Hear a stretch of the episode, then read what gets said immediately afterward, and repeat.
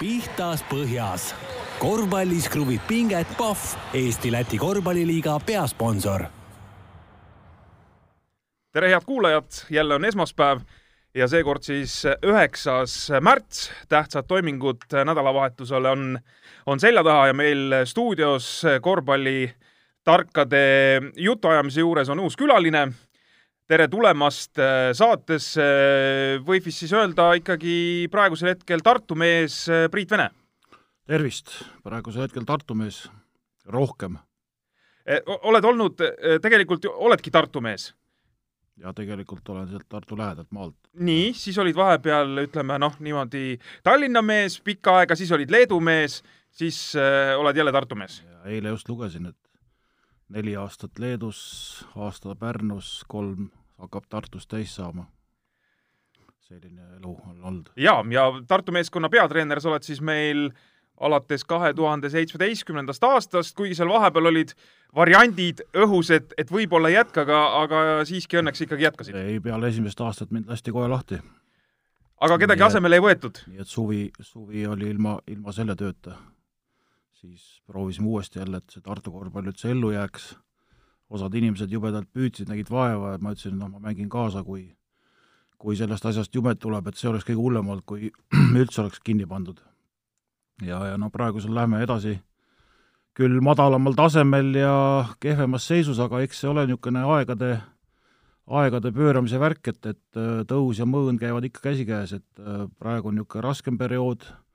aga teeme tööd ja vast tuleb ikka helgemaid perioode ka jälle. sellest äh, Tartu meeskonnast me kindlasti räägime pikemalt ka siin saate jooksul, aga alustada ma tahan hoopis äh, nii-öelda korvpallivälisel teemal. mingis mõttes korvpallivälisel, et siin nädalavahetusel tuli uudis, et äh, noh, päris paljud linnad Itaalias on pandud karantiini, sealhulgas siis ka Milano, Milanole suhteliselt lähedal olev Varese, kus siis sul poeg Siim Sander mängib, et et kas te kas sina ja, ja abikaasa sul, kas te nagu valutate südant ka, et sul poiss on seal Põhja-Itaalias kusagil ja, ja me ei, noh, reaalselt me ju siin ei tea, et mis asi see või kui suureks see koroonaviiruse värk siin üldse läheb ja, ja on põhjust pabistamiseks või, või kuidas te võtate seda? ei, otseselt ei pabista, et noh, eks mingisugune epideemia lahti on ja, ja mingi gripilaine, ütleme selline, või gripi mingi ekstralaine noh, palju inimesi on surnud, aga, aga kui ikkagi lugeda neid numbreid, mis maailmas toimub, et äh, kolm tuhat on koroonasse ja nelikümmend seitse tuhat on niisama grippi surnud viimasel ajal, et noh, siis need numbrid on natukene nagu sassis. ja, ja no mis siin ikka pabistad, ega siis ju mingi, keegi seda kotiga koju ei too, et, et, et noh, terved inimesed ei võta ja need, keda võtab, nendel on mingid muud hädad küljes, et loodame, et kõik läheb hästi äh mis see seis nüüd on seal Itaalias, ma saan aru, et eh, liigamängud on kõik peatatud, eh, nii-öelda põhimõtteliselt sport on ikkagi täielikult halvatud äh, Itaalias. ma ei tea, sa vist ei või enam tühjade tribüünide ees ka mängida, et põhimõtteliselt on spordi tegemisel lõpp. no nüüd ei tea, täna esmaspäev, et tööpäev, siis piltlikult öeldes tööpäev, et noh, paljudele öeldi, et ärge üldse kuhugi tulge ja võtke kuu aega puhkust. et, et, et ega seda infot ei ole nüüd nii palju peale tulnud, sellepärast et ega ju siis ülevalt poolt ei jõuta anda ja alumised ei tea ka täpselt, mis teha, et, et ja noh, Itaalia värk on Itaalia värk, et, et kui annab edasi lükata, siis äh, lükataksegi edasi ka, et, et ega siis nii ei ole, et hakkame kohe täna rapsima, et et midagi juhtub, et see on niisugune Itaalia elu omapära. aga kossumeestel treeningud käivad või praegu on, ütleme, selline periood näiteks, et et kui äh, tahab, võib koju tulla, et, et ei olegi midagi teha seal? no ma ütlen, see selgub täna või homme, et, et noh, siin pühapäeval pidi mäng olema, seda mängu ei toimunud ja, ja, ja noh, ega, ega keegi ei teagi, mis, mis nagu nii-öelda siis nagu edasi saab, et, et, et noh, eks siis hakatakse neid kriise välja mõtlema ja kuskilt ülevalt poolt ju on mingid liigad, on ju valitsused, eks nemad siis ütlevad, mis tegema peab, et täna on ebaselge, mis näiteks jalgpallist ka saab. just, just. Äh, sa olid, äh, kui nüüd juba oleme Siim Sandri juures, siis äh, ma nägin, sa olid ka kodumängu Itaaliaga vaatamas siin, kui koondise aken oli, et et kuidas sina selle koondise akna esitusega rahul siis oled või ma ei tea, nägid sa mõlemat mängu, ei näinud sa mõlemat mängu, et äh, kuidas sulle tundus see värk? no ma ütleks nagu selle seisukoha pealt, et, et kui see kõik see asiotaaž siin hakkas selle uue treeneriga, siis ega tedele, tegelikult ei palgatud ju teda selle tingimuste põhjal ju ainult äh, koondise peatreeneriks. minu jaoks huvitavamad asjad alles hakkavad tulema, et, et mis siis nagu siis see asja nüüd nagu siis eesmärk või oli ja mis selles siis, mis, mis see töö siis nagu endast kujutama hakkab, et mis siis nagu tuleb, et noh, praegu on küll näiteks alaliidu poolt üsna vaikus, et äh, pole seal spordidirektori kaubal kedagi võetud, mingi, mingit infot väga ei liigu, paar koolituse teemat on tulnud umbes ja, ja ongi kõik, et, et noh, kõik harjuvad, et äh, suur hurraa ja üks võit tuli, aga ega me ju ei tea, mis, mis asjad seal edasi hakkavad toimuma sa vihjad siis ütleme sellele asjale, et seal nii-öelda kogu see struktuur peaks nüüd uue peatreeneri tulekuga paika saama või see suund, eks, et äh, mis siis delegeeritakse nii-öelda allapoole klubidele ka, et ja üks asi, huvitav asi, mis on välja käidud, on ju see niinimetatud korvpallikodu, et mis peaks siis nagu suvel tööle hakkama juba. Nojah, et äh, kuulujutt on, aga ega reaalselt ei tea ju, noh, mingil päeval ta peab ju nagu reaalselt ise tööle ka hakkama minu arust on tal mai lõpuni äkki seal Soomes leping või oli aprilli lõpuni, ma noh, ei ole nii täpselt ju tutvustatud, et loed siit ja loed sealt natukene Soomest, natukene natukene mujalt ja, ja siis korjad ise seda infot enda jaoks, aga, aga niisugust nagu väga, väga avalikku või ametlikku teadet ei ole nagu tulnud jah, et see, ma ütlengi, et see mind, mind paneb nagu rohkem ootama, et see, kuidas seal koondis mängis ja kes see treener oleks olnud, noh, noored poisid, tahtmist täis, noh, ka tema tegi taktikalisi vigu, nagu kõik teevad, et ega siin nüüd mingit imemeest selle koha pealt ei tulnud, et kui ikka mingil hetkel on niisugune viisik väljakul, kes ükski kaitsta ei suuda üks-ühte, no siis on nagu väga raske igat mängu võita, et sa pead silmas siis Itaalia kohtumist, eks? Itaalia kohtumise vahepeal läks ikka täitsa käest ära, et, et noh, ma ei ütle, et ma kahe käega pead kinni hoidsin, aga ega, ega midagi rõõmustavat ka ei olnud. no sa oled heas seisus selles mõttes, et sul on ikkagi oma mees seal pundis sees olemas, pead silmas siis poega, noh et, et äh, kuidas Siim Sander selle nii-öelda vanakese rolliga hakkama sai seal meeskonnas? ta on ju vanake seal ju. no jaa, elus käivad niisugused asjad, et kunagi ma ise mängisin Eesti meistrivõistlusel, olin Tartus äh, kõige vanem mees, tulin Tallinnasse Rafteri satsi ja olin ootamatult kõige noorem ja ma olin siis kakskümmend seitse et ka, et ka selliseid asju on, aga ei, me seda väga ei torkinud ja, ja no mis seal ikka, ta ütles, et, et talle seda paluti, et ta on ja ta ütles, et noh, kui on vaja, siis äh, ta teeb ära ja ega noh, ma ei ole teiste käest küsinud, mis seal nagu, mis seal nagu siis nüüd paremini, halvemini tehti või kas üldse midagi tehti seal kapteni poolt, aga aga noh, nii see kapteni värk käib, et kes on ikka kogenumad ja ja on, ütleme, kuhugi rohkem jõudnud ja kellel on staaži, nii et, et noh, las nad siis olla. Noh, ja ongi vaja selliseid mehi? ja ongi vaja muidugi, et ega siis noh, ega kui ikkagi kaheksateistaastane läheb, kes pole meestesatsis olnud ja pole mõned välismaal käinud, ütleme, ja noh, ei teagi ju, mida need vanemad mehed seal teevad ja kuidas see elu üldse võistkondades käib ja, ja noh, koondis on veel omaette teema, et seal tuleb ju hästi lühikeseks ajaks hästi palju kokku võtta ennast. Enne kui me läheme nüüd eh, nii-öelda sinu treeneri töö juurde, konkreetsemalt, siis eh, ma vaatasin, sa meistriliigas ise viimati mängisid tuhat üheksasada üheksakümmend kuus, üheksakümmend seitse ka meie ridades, mäletad midagi sellest? ikka mäletan, jah. minu arust see oli see aasta, kui Gerd Kullamäe taheti korvpallikarjääri tal ära lõpetada ah,. see oli see intsident või? see oli see intsident. Eh, Kalevi spordihallis, eks? jaa. ja seal korjasime pärast allkirju ja nägime vaeva, Aivar Toomiste seda asja vedas ja ma aitasin jõumööda kaasa et selline asi on küll meelde jäänud sellest aastast ja noh, mängud meil seal läksid, nagu nad läksid, et mõned valusad kaotused ja ega me kuhugi väga ei jõudnud. eks ta niisugune omapärane projekt oli. see Kame projekt? ahah, aga, aga Kame sats, ütleme, kui sa nüüd viimastel aastatel mängisid, kas see oli juba selline, ütleme, mitte liiga tõsine spordi tegemine või ikkagi oli, oli, oli spordi tegemine? noh, töö kõrvalt ikkagi. ega, ega noh, põhiaeg oli ikka tööl, õhtuti said kokku, noh, mängimisest maksti mingisugust mingisugust palka ka ikka, et ega muidu seal mehed ei oleks viitsinud ju peale, peale tööpäeva lõppu kohal käia, et, et, et noh, ja eks need ajad olid niisugused rasked ja ja, ja ka, aga noh, ka jälle selles mõttes hea, et ikkagi üks võistkond jälle mängis ja oli vähemalt äh, pildil ja sealt tuli ju noori, noori käis meilt sealt läbi ja, ja mõned mehed mängisid isegi hiljem pikka aega veel meistrisarjas, nii et et kui ikkagi kui natukene mõttega teha, siis noh, ikka mingit tulemust ikkagi iga sats toodab. Äh, korvpall, ütleme, millest me praegu räägime, rohkem kui kakskümmend aastat tagasi. Äh, kui sa nüüd äh, ise mõtled, mis tänasel päeval, keda sa juhendad, kuidas sa juhendad, mida sa nendega teed, millised nad peavad olema mängijatena, hoopis teine maailm või nii öelda ei saa? no põhimõtted on ikka samad, et kui ikkagi mängija,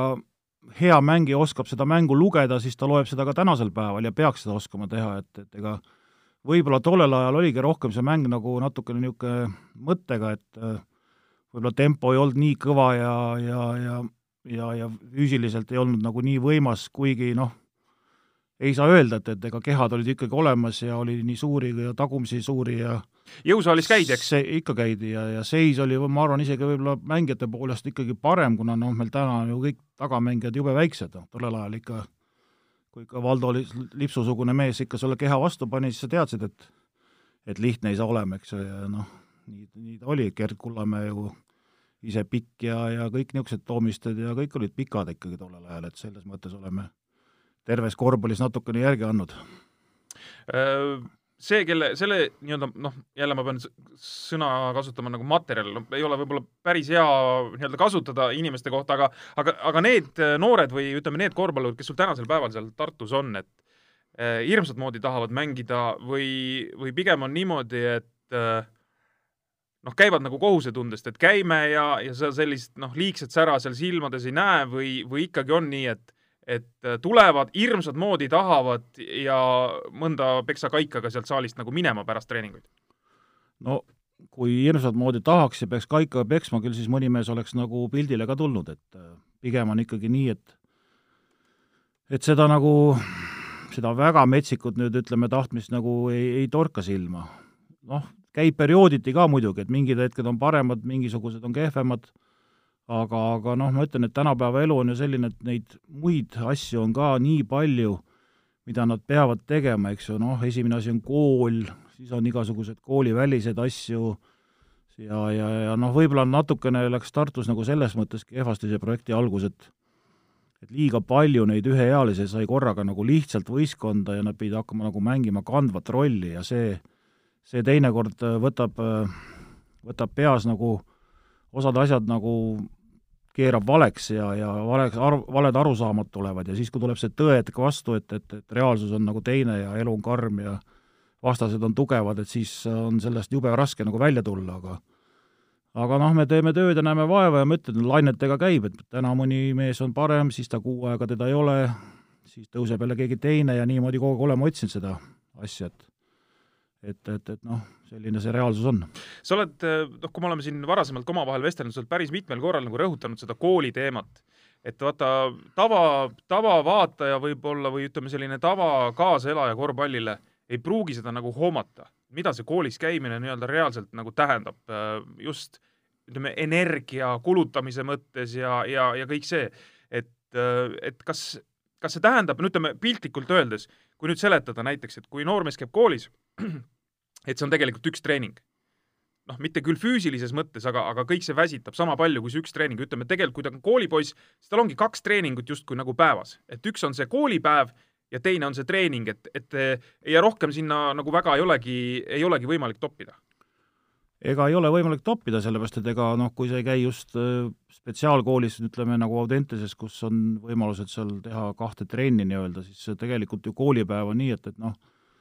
mõndadel meestel lõpeb see kool äh, kell viis, kell kuus, trenn hakkab pool seitse, nad tulevad otse koolist, nad on pannud seal üheksast saadik. noh, keskkooli osa poisid no, juba, eks? keskkooli osa poisid, just, et äh, noh, ka üliõpilast on ju tihtipeale nii, et loengud hakkavad näiteks seal kell kümme ja lõpevad kell kuus, noh, hea on, et ta saab hommikul võib-olla tunnikese kauem magada, aga piltlikult öeldes nad on nii, et nad tulevad kell kümme välja ja hakkavad ja jõuavad õhtul kell üheksa, pool kümme koju, noh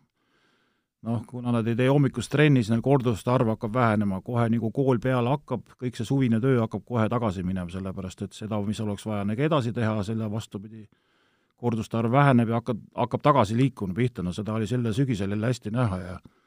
olen rääkinud seda ka siin võrkpallitreeneriteks, Andrei Ojamets ja Aavo Keel ja räägivad täpselt sama juttu, et nii nagu see kool peale hakkab, nii osadel meestel katus sõidab, osadel meestel füüsika hakkab ära kaduma, siis kaob enesekindlus ära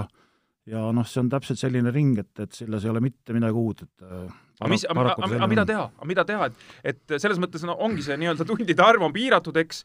ja, ja kas seal ikkagi siis noh, ma ei tea, väe ja võimuga tuleb ikkagi kuskilt see hommikune tund leida või, või, või mis võiks olla see rohi siis?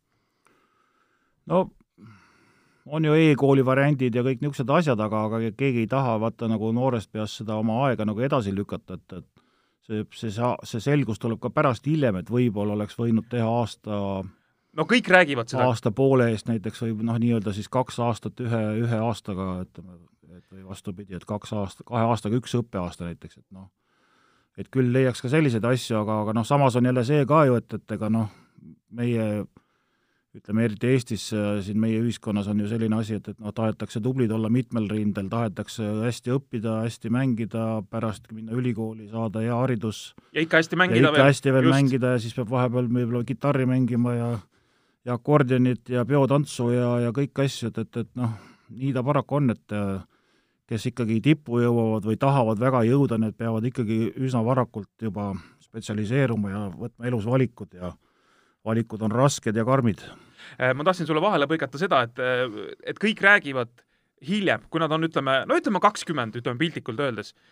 Öö, olen siin ühe raamatu tarbeks tuhninud mingi vanu materjale praegu, ka, ka vanasti, kakskümmend aastat tagasi räägiti sama. mehed on kakskümmend, ütlevad,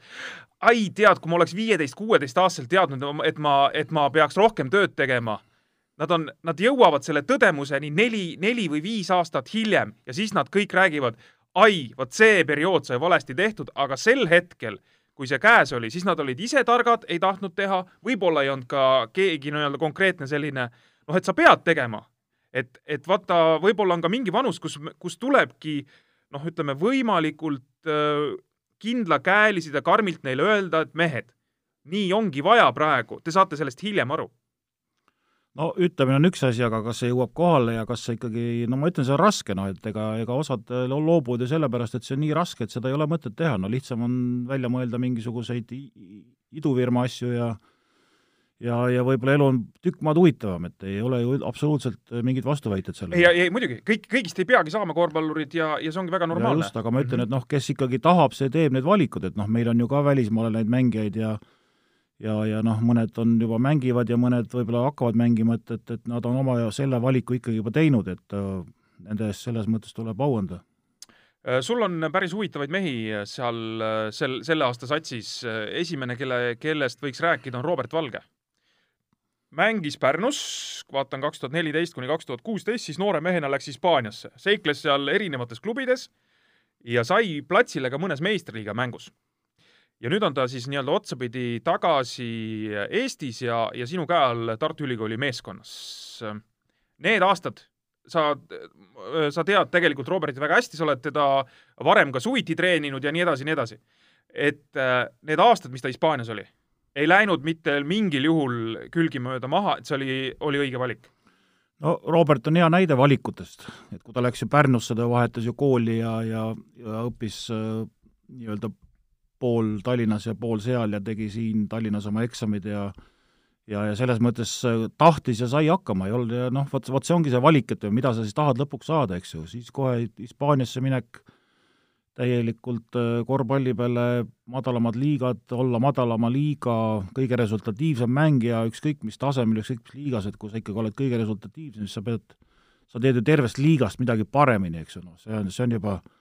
see on juba näide ja, ja lõpuks preemiana sai ju ka meistrisarjas käe valgeks, märk on maas.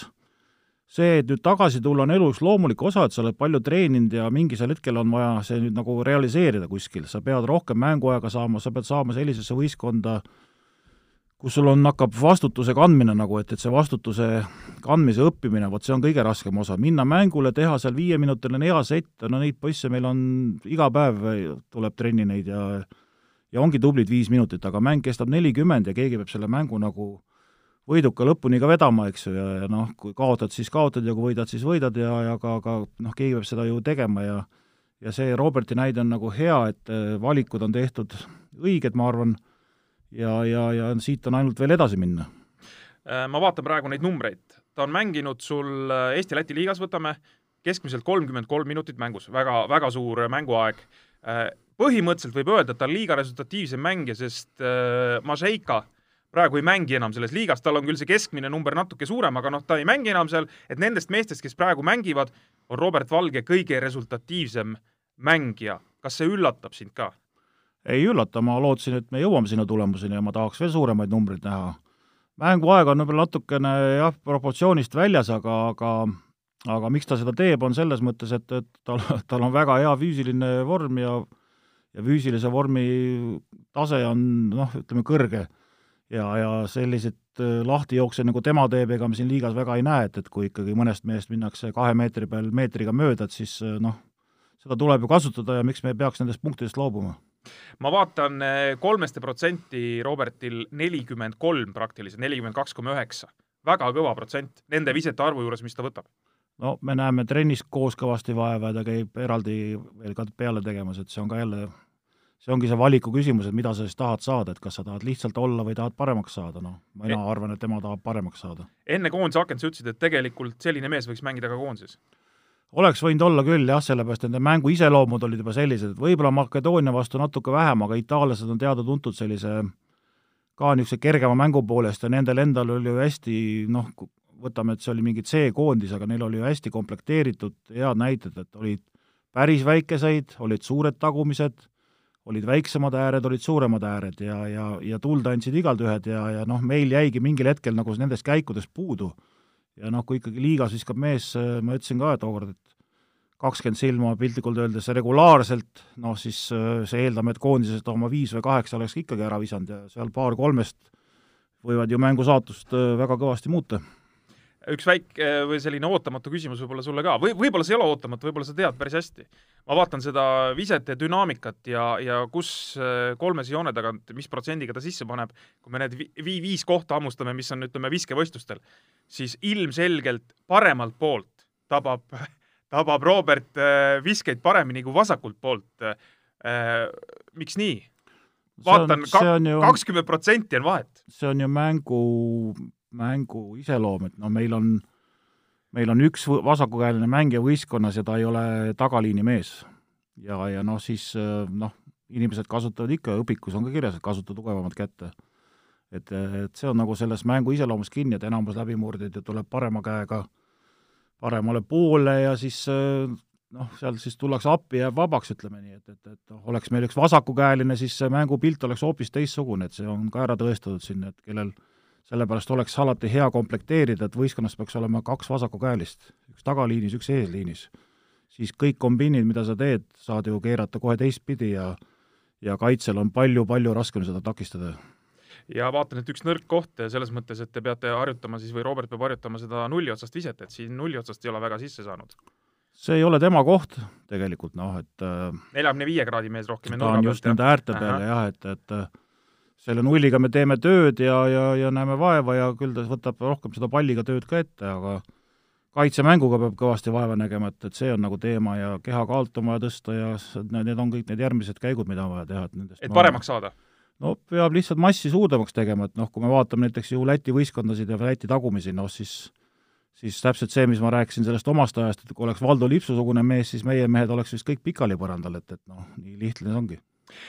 teine mees, kellest tahaks kindlasti veel rääkida, on ka Gregor Hermet, et eh, koondise mees, sul ikkagi üks mees oli koondises ja, ja Gregor paistis selles mõttes nagu silma, et et äh, väga hasartselt, julgelt läks asjadele peale, et see on, see on nagu ka väga tähtis omadus, et ma ei tea, kas see on tulnud sinuga kaasa nii-öelda treenerina sealt Leedust, kui sa käisid, leedulased on, on ju noh, esirinnas maailmas selles, et neil on jumala savi, kes vastas on. Nemad on enesekindlad, nemad panevad, nemad teevad. et, et eestlased kipuvad olema mitte sellised aga, aga Gregori puhul seda ei näinud, et Gregori puhul just pigem vastupidi, et ta tuli, oli valmis kohe tegema, vastutust võtma ja mööda läheb kõigil. see, see ei ole üldse küsimus. noh, Gregoriga piltlikult öeldes on ju sama lugu, et et ta on ju ka oma valikud võtnud, ta on juba ka Hispaanias ju olnud poolteist aastat või natuke rohkem isegi, hea küll, kõik asjad ei õnnestunud, Gregor on emotsionaalne mees, teinekord keeb natuke üle, aga selles mõttes, et nüüd tahtmise taha asjad ei jää ja see ongi selles mõttes hästi, et, et ta tuleb ja ta tahab seda teha, kas ta nüüd välja tuleb, noh, sellega me jälle trennis tegeleme, et see tuleks paremini välja ja on ju mänge, kus on tulnud välja, et, et eelmisel hooajal, sellel hooajal noh, sama, sama, samasugune näide, et, et kui sa ikka viskad kolmkümmend kuus silma, suudad visata mingisuguses mängus, siis küll ta siis kuskil koondise mängus peaks ka mõned silmad tooma ja see kaheksa punkti minu arust on ju väga hea proportsioon selles näidus, et, et noh, ka mis ta seal keskmine on, kaheksateist Eesti-Läti liigas, noh siis see kaheksa ongi täpselt niisuguse koondise mehe punktid, noh. just nende mängumeeste kohta, kes ei mängi kogu aeg palliga, ütleme. et ilma pallita mäng on ka väga tähtis. nii et selles plaanis sa näed, et, et Gregor ka nii-öelda läheb kogu aeg edasi? ta saab palju mängida, ta julgeb vastutust võtta, ta tahab, ta peab ka füüsiliselt kõvasti vaeva nägema, aga järgmine aasta ma loodan, et ta on kuskil palju paremas liigas ja ja teeb sammu edasi jälle. novembrikuus saite ka huvitava täienduse. tuli Tartusse tagasi selline mees kui Tanel Sokk palju, palju sina seda tead, et miks ta sealt Tallinna Kalevist üldse ära tuli, on sul oluline teada seda või ei ole oluline teada, et või ikkagi, kui te, kui te nii-öelda Tanelit tahtsite värvata,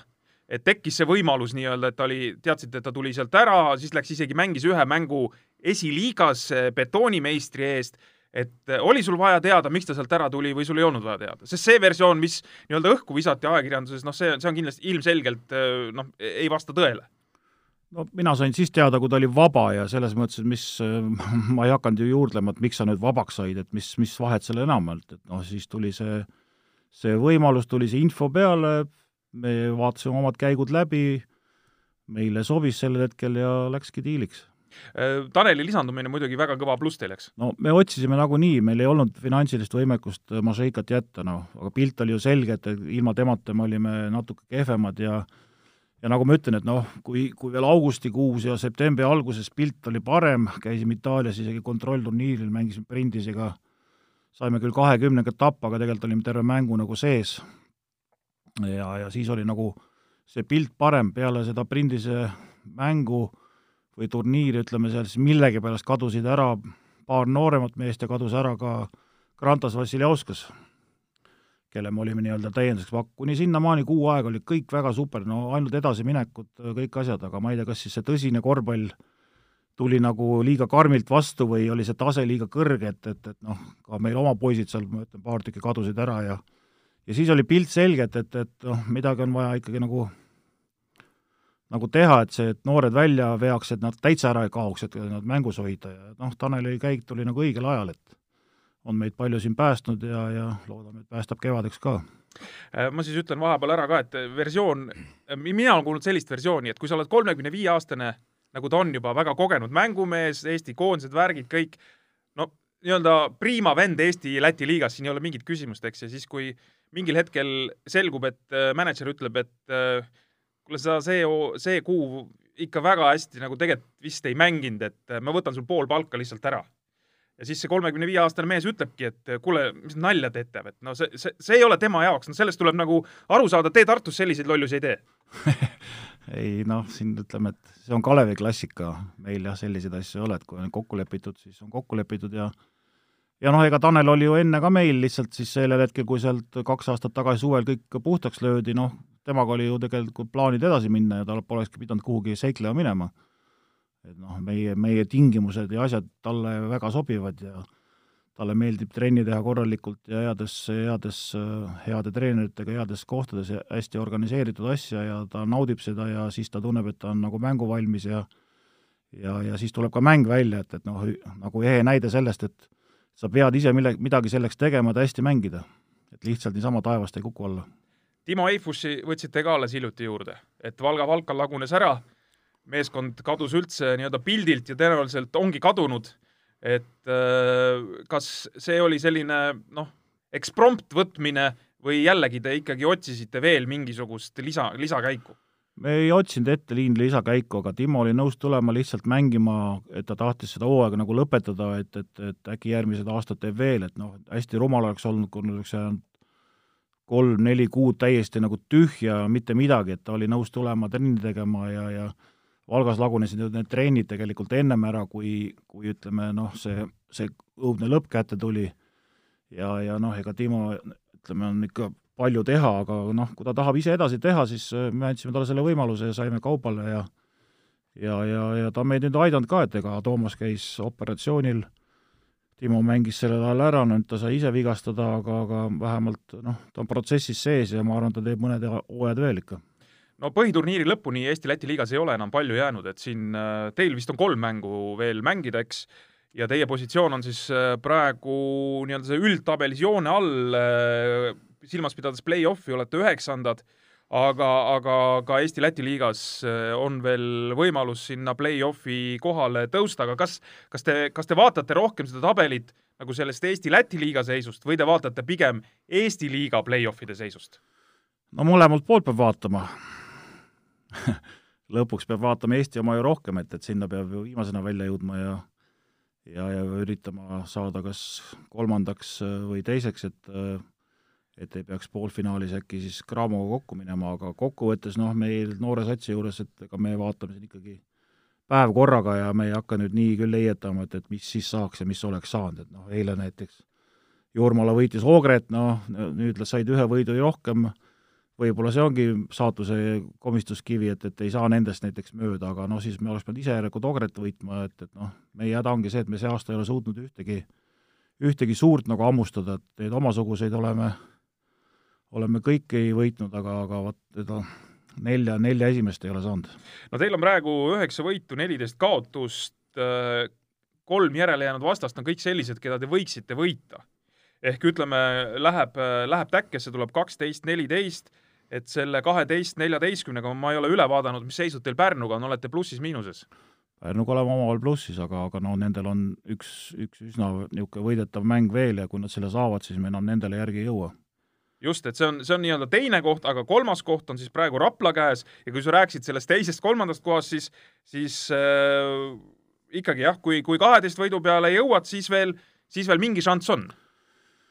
no Raplaga me oleme omavahel miinustes.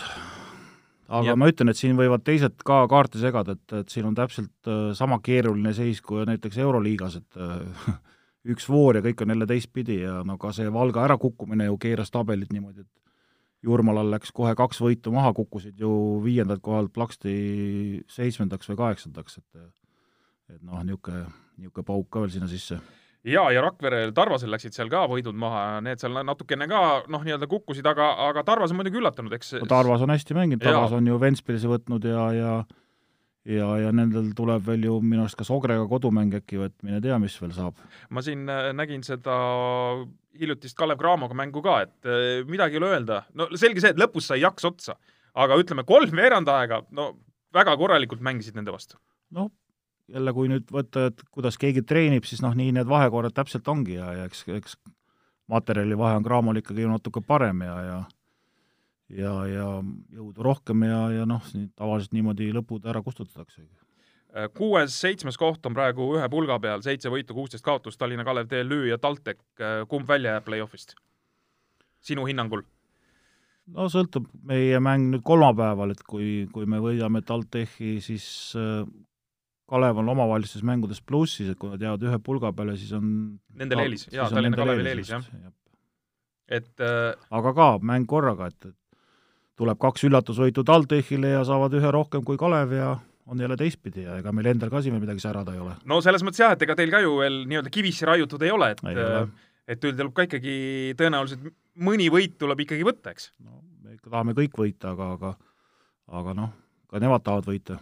kindlasti, kes ei tahaks. nii, aga me läheme siis nüüd äh, siit selle Eesti-Läti liiga juurest äh, läheme Euroliiga juurde ja siin on, siin on siis äh, nii, nagu sa korra mainisid juba, et äh, sama, sama pingeline seis kui Eesti-Läti liigas või vastupidi, aga sinuga on alati nagu selles mõttes Euroliigast huvitav rääkida, sa oled ise seal ka tiirelnud ühe aasta ikkagi väga lähedal. et äh, abitreenerina olnud terve hooaja meeskonna juures ja ja alustakski kõigepealt ikkagi Žalgirise meeskonnast. et vahepeal oli selline korralik mõõn, nad said vist üheksa nähvakat järjest, üheksa kaotust, aga nüüd on mängitud niimoodi, et on tõustud, äh, tõustud juba play-off'i piiri peale eelmise vooru järel. Äh, et siis nüüd võtame selle viimase Enne vooru maha, jah, ja olid nad isegi juba play-off'is sees, aga nad põhimõtteliselt see, see meeskondade Äh, meeskondade asetsemine seal play-off'i piiri peal on ikkagi nii tihe, seal on mingi viis, kuus, seitse meeskonda, kes on ühe võidu sees, et äh, kes on ühe vooru järel peal, ühe vooru järel all, et kõik muutub väga kiirelt, nii nagu sa mainisid. et äh, Žalgiris on saanud ennast siis jällegi käima, Žalgiris on Šarunas Jassikevitšuse käe all jällegi leidnud ennast. nojah, kui siin sügisel ju räägiti ja tu-, noh, tuli tegelikult päris palju uusi mehi ja, ja, ja ja millal nad kõik hakkavad seda ühte jalga käima ja, ja eks Saarasel on omad äh, niisugused nõudmised, mida võib-olla paljudel teistel ei ole, ja, ja no ei ole need mehed siis, kõik ei saanud siis kohe käima, pluss seal ikkagi Gerigonise vigastus tuli ka halvel ajal, ma tean, kui palju klubi nagu ütleme, ilma treenerita nende mängijatega ja, ja treeneri endaga nagu vaeva näeb, et see töö on ikka üsna, üsna karm ja spetsiaalsed inimesed on palgatud, nii psühholoogid kui kui muud inimesed, kes nende mängijatega tegelevad ja igasuguseid statistikaid, asju ja psühholoogilisi momente näitavad. et kogu see klubi näeb ikka jubedalt vaeva, et, et see asi nagu toimiks ja, ja ja enne koroonaviiruse esimest pauku viis tuhat inimest tulemata jäi, siis praktiliselt ikkagi ju täismajad kogu aeg, minu arust neli korda täitsa välja müüdud ja ülejäänud korrad seal ikkagi üle viieteist tuhande, noh, et mõned vabad kohad äh, see on selle klubi omapära ja see on selle Leedu uhkus, et äh, noh, ka kehvadel aegadel ei anta alla ja otsitakse käike juurde ja tehakse veel rohkem tööd ja vaeva ja ja küll on mindud ka peale mängu otsekohe trenni seal, et äh, siin Šiauliai karikamängud, kui siin tappa saadi, et äh, kohe peale mängu trenn otsa, et, et, et noh, kui teinekord siis heaga ei saa, siis saab kurjaga ja ja, ja noh, tõesti tuleb au anda, et nad on tõusnud sealt põhjast ju täitsa mängitava koha peale. nüüd oleks vaja paari suurt äh, näpistada, et, et edasi saada, sest näiteks eile, või sorry, mitte eile, vaid reedel oli hea näide, kui Sverna Zvezda võitis Tel Avivi Makaabit ja kohe mängus tagasi jälle, piltlikult öeldes sama joone peal. Äh, Barcelona oleks peaaegu kaotanud Bayernile hea küll, Bayern on juba natuke kaugemale jäänud, aga aga, aga mängud on vihased. just, et seal, seal tegelikult neid no liht-, okei okay,, vahest tuleb ka lihtsamaid mänge selles mõttes, et tuleb ka mõnel meeskonnal neid lagunemisi mängu, mängu jooksul, eks, aga põhimõtteliselt on ikkagi seis selline, et tabeli viimane võib võita tabeli esimest. jaa, jaa, see ei ole üldse küsimus, ega siin EFS oli ju ka, sai ju kaotusi lisaks, et noh, ka nagu ikkagi natukene käest ära läheb ja lõdvaks lased ja koduliigas on rasked mängud all siis on seda Euroliigat raskem mängida ja, ja nii see ring käib, et, et noh, et ega no ma loen üsna palju näiteks venelaste kokkuvõtteid, et see, kuidas CSKA ja IMK ja kuidas nad on ja ja tegelikult nad tõid ju nüüd välja, kuidas CSKA-l on milline graafik näiteks VTB-s, ainult, ainult rasked vastased, alates seal esimesest neljast kõik. siis need mängud, mis nad mängivad Euroliigas, no põhimõtteliselt see on nii, et no kogu aeg lähed nagu MM-i finaali mängima et äh, koduliigas on nad juba palju hävinud, nad ei ole heas seisus, ütleme, Euroliigas. Äh, seal no. selles mõttes heas seisus ei ole, et nad on küll ka, äh, play-off koha kindlustanud, aga nad võivad olla üle pikkade-pikkade aastate seisus, kus play-off'i hakatakse mängima ilma koduväljaku eeliseta see on, see on üks asi ja teine asi see, et nad seal noh, nagu ikka elus ja liigades on see, et osad vastased sobivad, osad ei sobi üldse, noh ja ma arvan, et kui nad näiteks satuvad kokku siin Tel Avivi Makaabiga ja peavad Tel Avivis mängima paar mängu, siis ei ole selles ürituses midagi lihtsat ja, ja, ja noh, nende üks põhimees on seal vigastatud ja, ja venelased kirjutasid, just oli hea, noh, täitsa niisugune naljakas lugeda, et et miks CSKA ei ole favoriit, et kui et kui CSKA mängustiil on selline, et pa-, pall äh, Mike Jamesi kätte ja siis pöidlad pihku et siis et keeruline. et siis on nagu nendel keeruline ja teised võistkonnad, kellel on nagu neid variante rohkem, oskavad seda paremini ära kasutada, siis äh, peaksid nagu suuremad šansid olema. aga no ütlen ka, jälle, et kellega see kokku satud, millised paarid tekivad äh, ühe mängu põhjal, näiteks kui ju veerand või poolfinaal tuleb, Shane Larkin võib üksinda korraldada ära, Mike James võib üksinda korraldada ära, Scotti Wilbeckin võib üksinda korraldada ära, kas nad nüüd seeriad korraldavad, vot see on teine asi, selles mõttes on jälle Barcelonal suuleeris. sellise mängu pealt ju tegelikult Žalgiris elab, et, et kui punkte tuleb viiest kuue mehe käest, siis on hästi raske neid takistada tegelikult noh, ja kaitses on nad teada-tuntud tugevad, hea küll, seekord seniit näiteks tuleb ütelda treenerile väga suured kiitused, seniidi treenerilt sellist kaitselukku panekut pole ammu näinud, kui hästi seda tehti ja Žalgiris ei saanudki kuni lõpuni sellest asjast aru ja ja saidki tappa ja aga noh, said ikkagi ühe punktiga ainult, tegelikult Zeniit tegi päris hea mängu, aga ikka võidad ainult ühega, eks ju, ei olnud nii, et paned kolmekümnega, et, et noh, vot selline see tase on. ja Pascual sai üldse esimese võidu äh, Zeniidi meeskonna eesotsas siis Euroliigas, et seal oli ka treenerid, treeneri vahetus äh, hooaja keskel, Juan Plaza sai nii-öelda ametist äh, priiks, aga, aga Žalgirise juurde veel tulles, et, et vahepeal mul jäi sinu jutust selline mulje, et ei olegi võimalik, et Žalgiris lõpetaks hooaja seal tabeli lõpus, et see on seesama, see, mis sa ütlesid, leedulaste uhkus, teiseks, kui palju klubi vaeva näeb ja lõpuks no mingil momendil peab see töö vilja kandma. no täpselt nii on, et, et no ma ütlen, et sel-, sellist töömahtu, mida nad teevad ja kui palju nad vaeva näevad ja individuaalsed mängijatega tegemised ja spordidirektorid, päris direktorid, psühholoog treenerid, teised-kolmandad, et, et noh, see on see on, see on suur, see on suur töö, see ei ole nii, et me arvame siin, et Saaras hüppab platsi peale, kukub röökima ja, ja, ja kõik asjad toimivad, et see on alles kogu selle jäätipu üks väike osakene üleval, et, et, et suur töö tehakse all ära ja need võidud, võidud ja kaotused äh, tulevad ikkagi mujal Äh, Saarasega seoses äh, Jassikevitsusega rääkides, siis vahepeal ikkagi juba hakkas talle ka külge tulema see, et, et, et sellise treeneri stiiliga siis enam ei saa, et tuleb tuleb kuidagi vaoshoitumalt käituda ja mehi mitte sõimata, et mehed lähevad kipsi, nagu siin mõni treener ütleb ja nii edasi. nüüd kaks kuud hiljem või kolm kuud hiljem tuleb öelda, et ei, saab küll, väga hästi saab. no võib-olla vahepeal siis oligi need kaotused tänu sellele, et seda seda karjumist on natuke liiga palju ja ja oli jah, mingi periood, kus nad nagu said jälle kergemaks seda asja ja siis, siis nähti nagu eriti palju vaevat. ma ikka suhtlen selle klubiga regulaarselt ja ma tean, et, et kuidas see asi seal käib ja ja ma ütlen, et see on, see on suur töö ja, ja, ja, ja see, et ka treeneri katus sõidab, ega seal palju vaja ei ole, noh, kolm-neli valet otsust järjest ja, ja juba on endal ka raske seda asja kinni võtta, Saaras on ka niisugune emotsionaalne mees ja hästi emotsionaalne ikka. ja, ja, ja tahab tahab kõvasti ennast äh, domineerima panna ja, ja ja noh, tihtipeale jah, ega osad mängijad ju ka vaatavad, et noh, aitab küll, et ma täna rohkem ei viitsi, et karju siis nii palju, kui tahad, eks ju, ja noh, nii, nii see elu paraku käib. mul kodus äh, nooremad mehed ka vaatavad Euroliigat, vaatame koos ja siis äh, midagi õnnestub, Žalgirise rünnakul nagu õnnestub, selles mõttes, et noh, korv tuleb ja tusk on nagu ilus rünnak ja kõik, ja ikka sellel Jassikevitšusel on seal pingile midagi öelda, midagi lõu- ja siis küsitakse kodus, et huvitav, mis see treeneril nagu veel võis siis häda olla, et mis tal oli, et, et ma ei oskagi nagu midagi seletada, et ma ei tea, mis seal oli. no ju ta ütleb seda, et eelmisel korral te oleks pidanud siis samamoodi tegema, ma ju ütlesin teile, kurat mehed, et tehke see eelmine kord samamoodi. ise näete, toimib, on ju. et miks te siis nii ei teinud ja siis, kui jälle valesti tehakse, siis saab selle eest, et tegid valesti ja siis, kui tegid õieti, siis saad selle eest, et eelmine kord tegid õieti. aga vahepeal on, tundub, et, et Žalgirises on ikka kehvem istuda seal pingi peal kui väljakul olles, sest need pingimehed saavad kogu aeg sõimata selle taktika ta jah, kuidagi võtnud, et need, need nagu saavad seal kõvasti õpetust, aga, aga kui vaadata, millistel nägudel nad istuvad, eks nad on juba vaikselt ka ära harjunud, et hooaja lõpp hakkab tulema ja teavad, et et kõik ei, ei jõua enam seda infot vastu võtta, aga no see, see liiga on raske ja see, see, ma ütlen, see, kui sa oled väike klubi, no Žalgiris on ikkagi eelarve poolest ikkagi seal tagaotsas ja nad tahavad mängida suurt mängu, siis siis see on hea näide, kust neid ressursse tuleb leida klubi ja linna ja riigi seest äh, igasugused lisad, mitte ainult loota selle peale, et sul eelarve kasvab seal viis miljonit ja iseenesest hakkab mäng tulema, et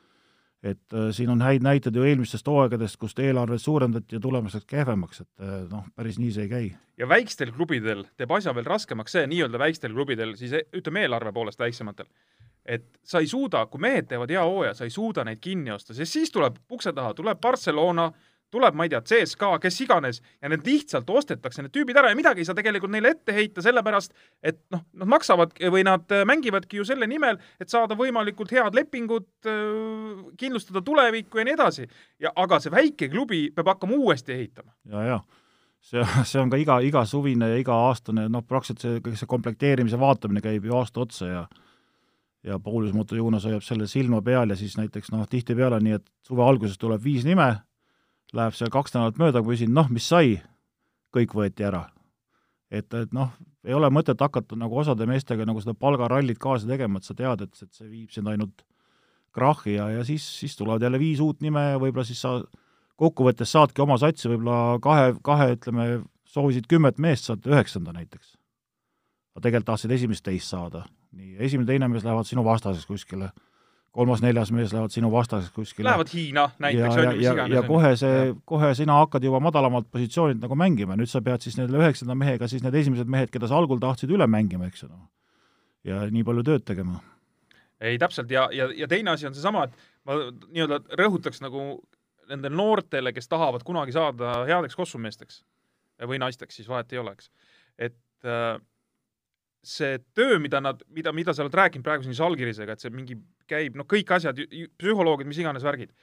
ja pluss see kriitika talumine või, või nende momentide talumine, seal, sellega tuleb selles mõttes ka harjuda, et seal ei ole niimoodi, et sul kogu aeg räägitakse, oi, sa oled nii tubli, pigem on selles mõttes seal vastupidi, tuleb juurde panna, me pea-, me peame, me peame veel rohkem kätte saama siit seest ja nii edasi, kogu aeg on ikkagi pigem selline surve ikkagi peal. kas see on nüüd noh, nii-öelda negatiivne surve või positiivne surve, eks. et surve võib olla ka positiivne, et kuule, näed, me saame nüüd järgmine kord selle võidu kätte, oh vägev, et, et äh, selle nimel lihtsalt paneme veel auru juurde, et, et äh, tänased rekordid, homsed normatiivid või kuidas see, kuidas see lause käis, eks. et, äh, et sellega tuleb nagu õppida elama või see, ühesõnaga,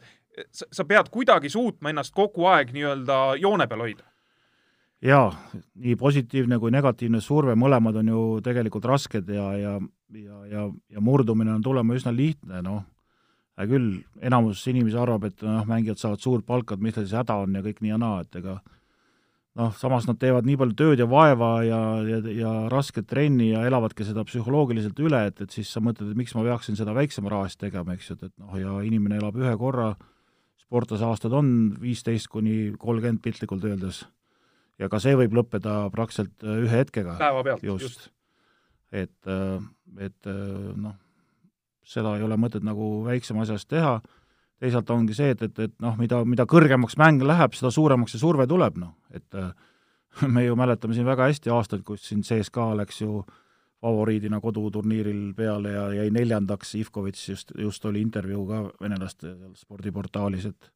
mis selle nagu tingis, rääkis seal pikalt-laialt selle nagu lahti, et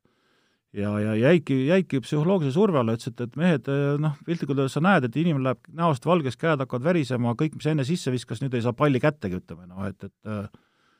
et ja ütles, et kõik asjapulgad jooksid ka ringi valgete nägudega ja siis hakkas see paanika nii suureks minema, et, et noh, praktiliselt ütles, et juba riideruumi tuldi ja hakati rääkima, et ikka peaks võitma, noh et et noh, nad ütlesid, et me saame ise ka aru, et me peame võitma, ega aga nüüd on vaja leida mingi lahend, eks ju, ja ei leidnudki seda lahendit. et, et noh, karm just, et tegelikult ju mehed oskavad, aga kõik ikkagi noh, kõik peab olema jonksus. psühholoogia, füüsis, kõik, kõik, kõik. kõik peavad jah, viimse peale kokku langema ja, ja ja, ja noh, mida, mida, mida paremaid mehi sul rohkem võistkonnas on, siis sa selle leiad ju sellest päevalt üles, et, et noh, ma ütlen, sellepärast nende üksikute üksikute küttide nii-öelda satsid on selle võrra nagu haavatavamad, et kui sa selle küti maha võtad ja teiselt poolt ei tule, siis siis on neid nagu natuke lihtsam püüda teeme väikese ennustuse ka, Priit, et äh, kui me nüüd teame, et viis satsi Euroliigas on juba play-off'i pääsenud, äh, Istanbuli Anadolu Efes, Madridi Real, FC Barcelona, Moskva CSKA ja Tel Avivi Maccabi, siis keda sa pakuksid veel sinna play-off satside hulka, kes siis ennast sinna kaheksa sisse ära murravad, et ma, ma ei ole nüüd mingit suva ana-,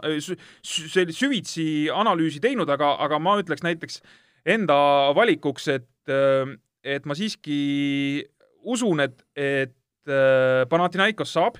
kes on praegu siis kuuendal kohal, ma arvan, et nemad jäävad sinna hulka. Äh, kusjuures ma arvan, et ka Žalgiris saab sinna kaheksa hulka ja ma pakuks äh, kaheksandaks, pakuksin näiteks sellise satsi, kui tekitame natukene võib-olla siin elevust ka, et jätaks, jätaks Fenerbahce välja, et pakuks näiteks äh, ma ei tea, pane Valencia no ma olen ise Valencia poolt, et nad sinna saaksid, see on ka jälle hea näide, et väike klubi saab suuri asju teha, mängivad sellel hooajal väga sümpaatselt. aga, aga, aga Salgerisel on minu arvates hästi, hästi raske graafik. jaa, on, graafik on raske. Panathinaikosega olen nõus, seal kogemust jagub ja ikkagi nad võtavad oma ära Imki on selline hästi komplekteeritud võistkond ja nüüd on tulnud kõik mehed vigastust tagasi ja viimane mäng Venerbatšale pandi üsna kindlalt kodus, et nemad on sellised, kes, kes ma ütlen, et, et noh, nad peaksid sinna kaheksa hulka saama, ma ei julge öelda, et nad nüüd seda seeriat võidavad, aga aga nad võtavad seal seerias kindlasti ühe või kaks võitu, et kes nendega kokku saavad. ja et mm -hmm et kui nemad sinna saavad, ma arvan, nad saavad, siis nendega läheb kellelgi raskeks, aga seal ma ütlen, hästi palju sõltub sellest, et kellega sa kokku lähed, et noh, kes saab Tel Aviviga kokku, ei tule lihtne see asi. ega türklastega ei ole ka lihtne, aga samas võib öelda ka, et ega kui türklased tulevad Venemaale mängima, siis ei ole ka nendel lihtne, et äh, ja, ja CSKA kodus on ikka CSKA kodus, et äh, küll nad selle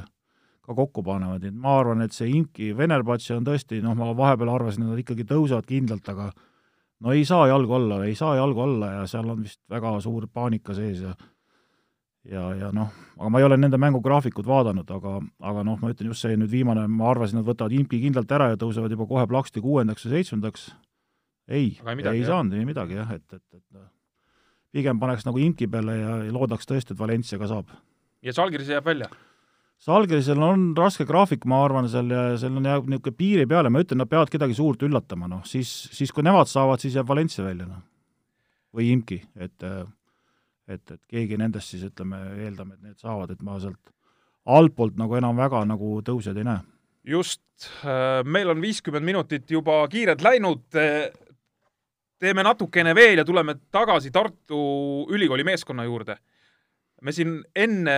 nii-öelda vestlust, kui me siin stuudios kokku saime, siis me vahetasime sul, põrgatasin sulle ka, et mida ma tahan su käest uurida. Ja üks asi, mis äh, on mul silma jäänud äh, noortekorvpallis sel hooajal, on see, et äh, Tartu U kuusteist noormehed ei mängi kodust meistriliigat oma vanusega, et on mindud pigem teil seda teed, et need U kuusteist siis tummisemad poisid mängivad pigem äh, Eesti teist liigat. Teil on lisaks sellele, et teil on meistriliiga sats, teil on olemas meeskond esiliigas, teises liigas ja kõik noorteliigad, ühesõnaga teil on kõik põhimõtteliselt kaetud, mis üldse Eestis olla saab, et kas see on nüüd äh, kuidagi teie klubi suund üldse, et äh, juba üsna varakult ikkagi poisid lükatakse meeste vahele, eks nad mängivad neid otsustavaid mänge U kuusteist vanuses ikka, see on arusaadav, aga et nii-öelda hooaja sees pigem mängida ikkagi juba U kuusteist vanus Eh, meestega ja kui see on teie teadlik valik, et, et, et miks te olete läinud seda rada? no ikkagi, et need noored paremaks saaks, et äh, ma tean, et U kuusteist seal sügisel valikmängudes sinna A, A-divisjoni ei saanud, eks nad jäid sinna B poole peale vist äh, aga kas see, aga see pidi, pidi siis, pidi tähendama seda, et juba seal võib-olla siis ei mänginud teil tugevamad poisid või? ma ei tea, keegi vist oli vigane või haige või midagi seal nagu oli ja, ja sinna nad ei saanud, aga kes nagu füüsiliselt kannavad, nendel jah, tehti ikkagi äh, tehti plaanid selliselt, et nad saaksid tugevamaid trenne teha vanemate vahel ja kui nad kestavad, siis, siis nad kestavad ja las nad siis olla ja nad saavad mängida U kaheksateist Estikaid, U seitseteist Teiblit käivad kaasas, et, et äh, ja, ja et nendel oleks rohkem stiimulit ja ikkagi tehtaks nagu paremat treenerite tööd. kas see on juba kriitiline, selles plaanis kriitiline, et, et äh, tegelikult peakski Eestis nii-öelda kasutamagi seda mudelit? igal pool? Igal pool ei saa kasutada, sest materjali ei ole nii palju, et sa pead ikkagi vaatama selle järgi, kui palju sul neid äh, mängumehi on ja ja noortel on vaata mingi mängude arv, mida ei tohi ületada, eks ju, et, et ka seda pead hoolikalt jälgima ja ja siis ei ole mõtet nagu sinna kahte liigasse panna, et, et, et noh, las nad saavad need mängud siis kuskil seal ka teises liigas on ju väga tugevaid vastaseid ja, ja ega seal ei ole nendel meeste vahel lihtne mängida ja noh, esiliiga taset me ju näeme, et Tartu on tagantpoolt kolmas, et äh, ka seal on väga raskelt see asi läheb ja, ja ei ole nii lihtne, et lähen ja ainult võidan, eks ju, et äh, on, on sul endal mahti näiteks, äh, ütleme, need noored poisid mängivad seda esimest või teist liigat? Äh, on sul mahti, ütleme, kodumänge näiteks ka vahest jälgida, kuidas nad seal selles mõttes hakkama saavad, kuidas nad meeste kehade vahel toime tulevad, et on seda aega sul meistriliiga klubi treeneril või, või seda, ütleme, väga ei ole? ei, seda ikka on ja, ja, ja ma olen käinud vaatamas ja, ja ja, ja siis mõnikord öeldakse, et parem ära tule, et siis poisid mängivad paremini ja siis ma jälle vahepeal ei käi, lasen neil siis mängida, aga äh, vaatama, aga noh, on ju videoülekanded ja, ja ma ikkagi näen, näen ära ja treeneritega me pidevalt suhtleme, kes mida teeb ja kes millega hädas on ja ja see on nagu ikkagi pidevalt protsessis. millest johtub, äh, Priit, see, et äh, kui ma nüüd kas või käisin, ütleme, vaatamas koondise mänge, kui noortel olid see Läänemere maadeturniir siin kodune jaanuarikuus, et ikkagi päris palju jääb silma see pilt, et meie poisid on kuidagi õhemad. et äh, okei okay,, võib-olla U kaheksateist vanuses ma nii palju seda enam ei täheldanud, aga, aga ikkagi, kas see, kas see, kas me nagu, kas, kas sellele ei ole vaja tähelepanu pöörata äh, või me teeme mingeid asju liiga vähe, mida me peaks tegema mis see on? Me ise juurdleme oma klubis äh, Toomas Kandimaaga juba kolmas aasta ka, et, et kogu aeg vaatame, millised lätlased nagu välja näevad, et noh, see on, see on, see on nii teine maailm ja me oleme arutanud oma jõusaali treeneritega ja ja kogu aeg otsime neid lahendusi, et, et midagi nad teevad teistmoodi ja, ja kas nad teevad rohkem või kas nad teevad suvel rohkem või vaikselt seda infot kogu aeg kogume ja, ja ikkagi meie äh, meie tegemise maht on esiteks natuke väiksem, no ma ütlen, lätlased on, nendel on ju NBA-s mängijaid ja nad on selle spetsialiseerumise, teevad varem ära, neil on stiimulid, kelle poole pöörelda, et, et meil on hästi raske see, et meil ei ole ühtegi suurt staari, kelle poole lapsed saaksid nagu püüelda, et miks nad seda tööd teevad. ja, ja noh, siin räägitakse, et eestlased on, arenevad aeglasemalt ja eks see ole mingi tõde ka, aga noh, siis selle võrra tulebki rohkem teha ja noh, hakata nüüd rääkima, et kuueteistaastaselt hakkab jõudu tegema, et, et see on veel ohtlik, ma, ma küll ei tea, mis asi seal ohtlik on, et keegi ei ütle, et jõusaali tegemine on see, et lähed, võtad saja kahekümnese kangi ja kukud sellega ringi vehkima, et, et jumala pärast, tehku viiekiloste ketastega, noh, aga kuskilt peab alustama. et äh, ma arvan, et see valdkond on meil hästi kehva, sellepärast et et kui, kui ma olin Leedus, siis juba aastal kaks tuhat kümme, kaks tuhat üksteist oli seal ju noorte, noorteklubides olid füüsilise treener, ettevalmistuse treenerid ekstra võetud, juba see töö käis, neil oli koondiste juures füsiod, arstid, kõik asjad, meil oli siis, ei olnud ühelgi võistkonnal praktiliselt ju sellist, sellist selle tasemel olemas, me ei hakka rääkima siin noortes või esiliigades või asjades, et noh, nüüd me hakkame sinna vaikselt järgi jõudma, et ma ütlen alati, et kui näiteks Leedu on, ütleme, elu poolest üldises mõttes on Eestis seitse aastat maas, võtame kõik pankade teemad ja muud asjad, siis korvpallis on kahjuks vastupidi, et meie oleme nendest seitse kuni kümme aastat maas ja Euroopast ma ütlesin siin mõned suved tagasi, et me oleme viisteist aastat maas ja oli palju solvujaid, aga praktiliselt elu on ikkagi näidanud, et me olemegi nendest maas. et me, meile jõuavad need uuendused väga hilja, viimastena, me ei käi ise Euroopas neid taga otsimas, kõik on siin kodumaal kui kelle, keegi hakkab kuhugi minema, siis tuleb sada põhjust vahele, miks mitte minna. Meil ei ole ühtegi välistreenerit, äh, pole viimasel ajal väga neid olnudki, et äh, et, et, et noh, vot sellises asjas me jääme kõik maha ja see kõik, see kõik lööb välja ja, ja tõesti, ma vaatasin sama pilguga, et, et no tulevad vastased ja koondis on korjatud ikka sellise materjal, kellega meie jääme kohe alla, noh. jääme kohe alla ja, ja ma käisin siin ise U kuusteist su kolm suve tagasi A-divisjoni veel mängimas ja jäime sinna ka püsima ja kuradi raske oli, no et, et vastased olid tugevamad ja suuremad ja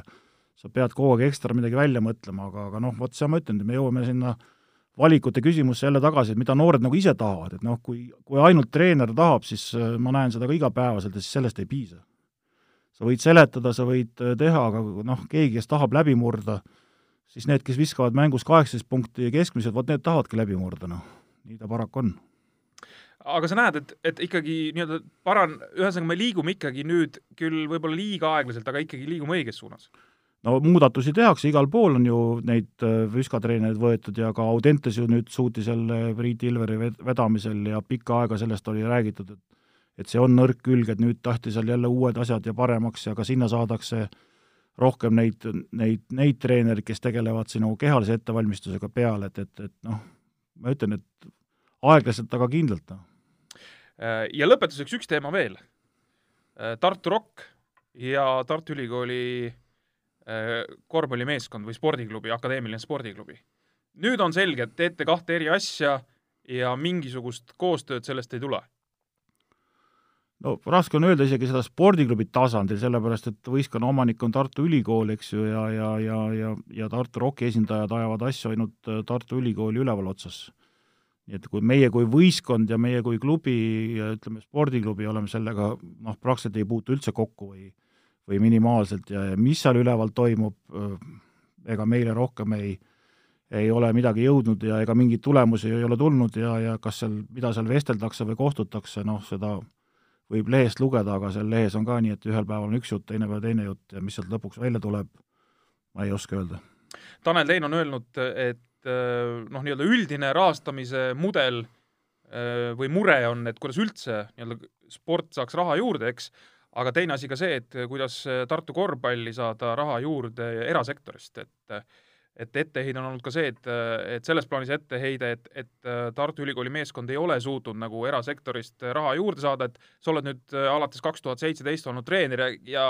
üht-teist kindlasti numbritest tead, et et kuidas teil on, läheb siis see seis nagu paremaks või on ikkagi ütleme, maru keeruline noh, üks asi on maru keeruline teine asi on selle nimel tuleb loomulikult ka tööd teha, et seda raha saada? keeruline on, väga keeruline on me oleme saanud paremaks, me oleme saanud ka, noh, nemad räägivad kogukonnast, meil on see kogukond tegelikult olemas, meil on need toetajad olemas, aga see kasv ei saa kunagi niimoodi käia, et, et, et meil ei ole raha, võtame hunnik häid mehi või meil on noh, võtame siis suur hunniku raha ja kohe hakkame nagu võitma, et, et need asjad ei käi niimoodi käsikäes ja eks pa-, paljud toetajad, kes Rocki all seal olid, noh, nautisid ju head mängu, aga tegelikult kogu seda asja kandis ju suuremas mahus ülikool, Seep Pank ja Saku õlletehas, ja kui Seeb ja Saku õlletehas suurte rahadega ära kukkusid, see, siis see eelarve kukkuski sinnamaani, kus me praegu oleme, et, et, et et äh, nii lihtne see asi ongi ja me ei ole, ei ole siiamaani leidnud ühtegi suurt strateegilist partnerit, et äh, üritame neid leida ja nendega läbi rääkida, aga kõik see võtab aega ja tahaks kiiremini, aga ei lähe. aga nii-öelda töö käib selle nimel? töö käib. Tänud tulemast, äh, Priit, eks me oleme sind äh, üritanud siia juba ka varem saada, aga ei ole lihtne, sa oled ikkagi hetkel Tartu mees ja stuudio asub meil Tallinnas. no nii ta paraku on, et ega ju mängud on ju meil ju nädalavahetustel ja, ja siis need äh, Tallinnas käimised on harvad ja, ja, ja on ka muid asju siin, koduseid asju teha ja ja korvpalliasju teha ja siis noh, nii ta on läinud jah, aga, aga tänad kutsumast ja, ja vast leiab järgmine kord jälle kiiremini aja. Ja soovin siis igal juhul, et te pääseksite Tartu meeskonnaga mõlemasse play-off'i ja tehke siis Eesti play-off'is sama äge veerandfinaalseeria nagu eelmisel kevadel ma tahaks natuke paremat teha ei, ma mõtlen stsenaariumi mõttes, et sa ei pea niipidi lõppema, nagu ta eelmine kord läks, aga, aga tehke põnevaks. tahaks finaali põnevamaks teha. ahah. et, et vaatame, mis saab. aga selle jaoks, et finaali jõuda, tuleb siis äh, olla kas teine-kolmas. või üllatada poolfinaalis. Ei, või olla kuues ei no võib ju poolfinaalis ka üllatada. jaa, seda ka, võid poolfinaalis ka üllatada. no siis on juba finaal ju lihtne jalutuskäik. ei pruugi, ei pruugi. ei pruugi olla? ei finaalis ei taha keegi kaotada. ja nii on. selge, tänud veel kord, eh, Priit, sulle, meil siis eh, seekordne saade ja, ja jutud räägitud ja uus külaline on stuudios juba nädala pärast. pihtas põhjas. Korvpallis kruvib pinget Pahv, Eesti-Läti korvpalliliiga peasponsor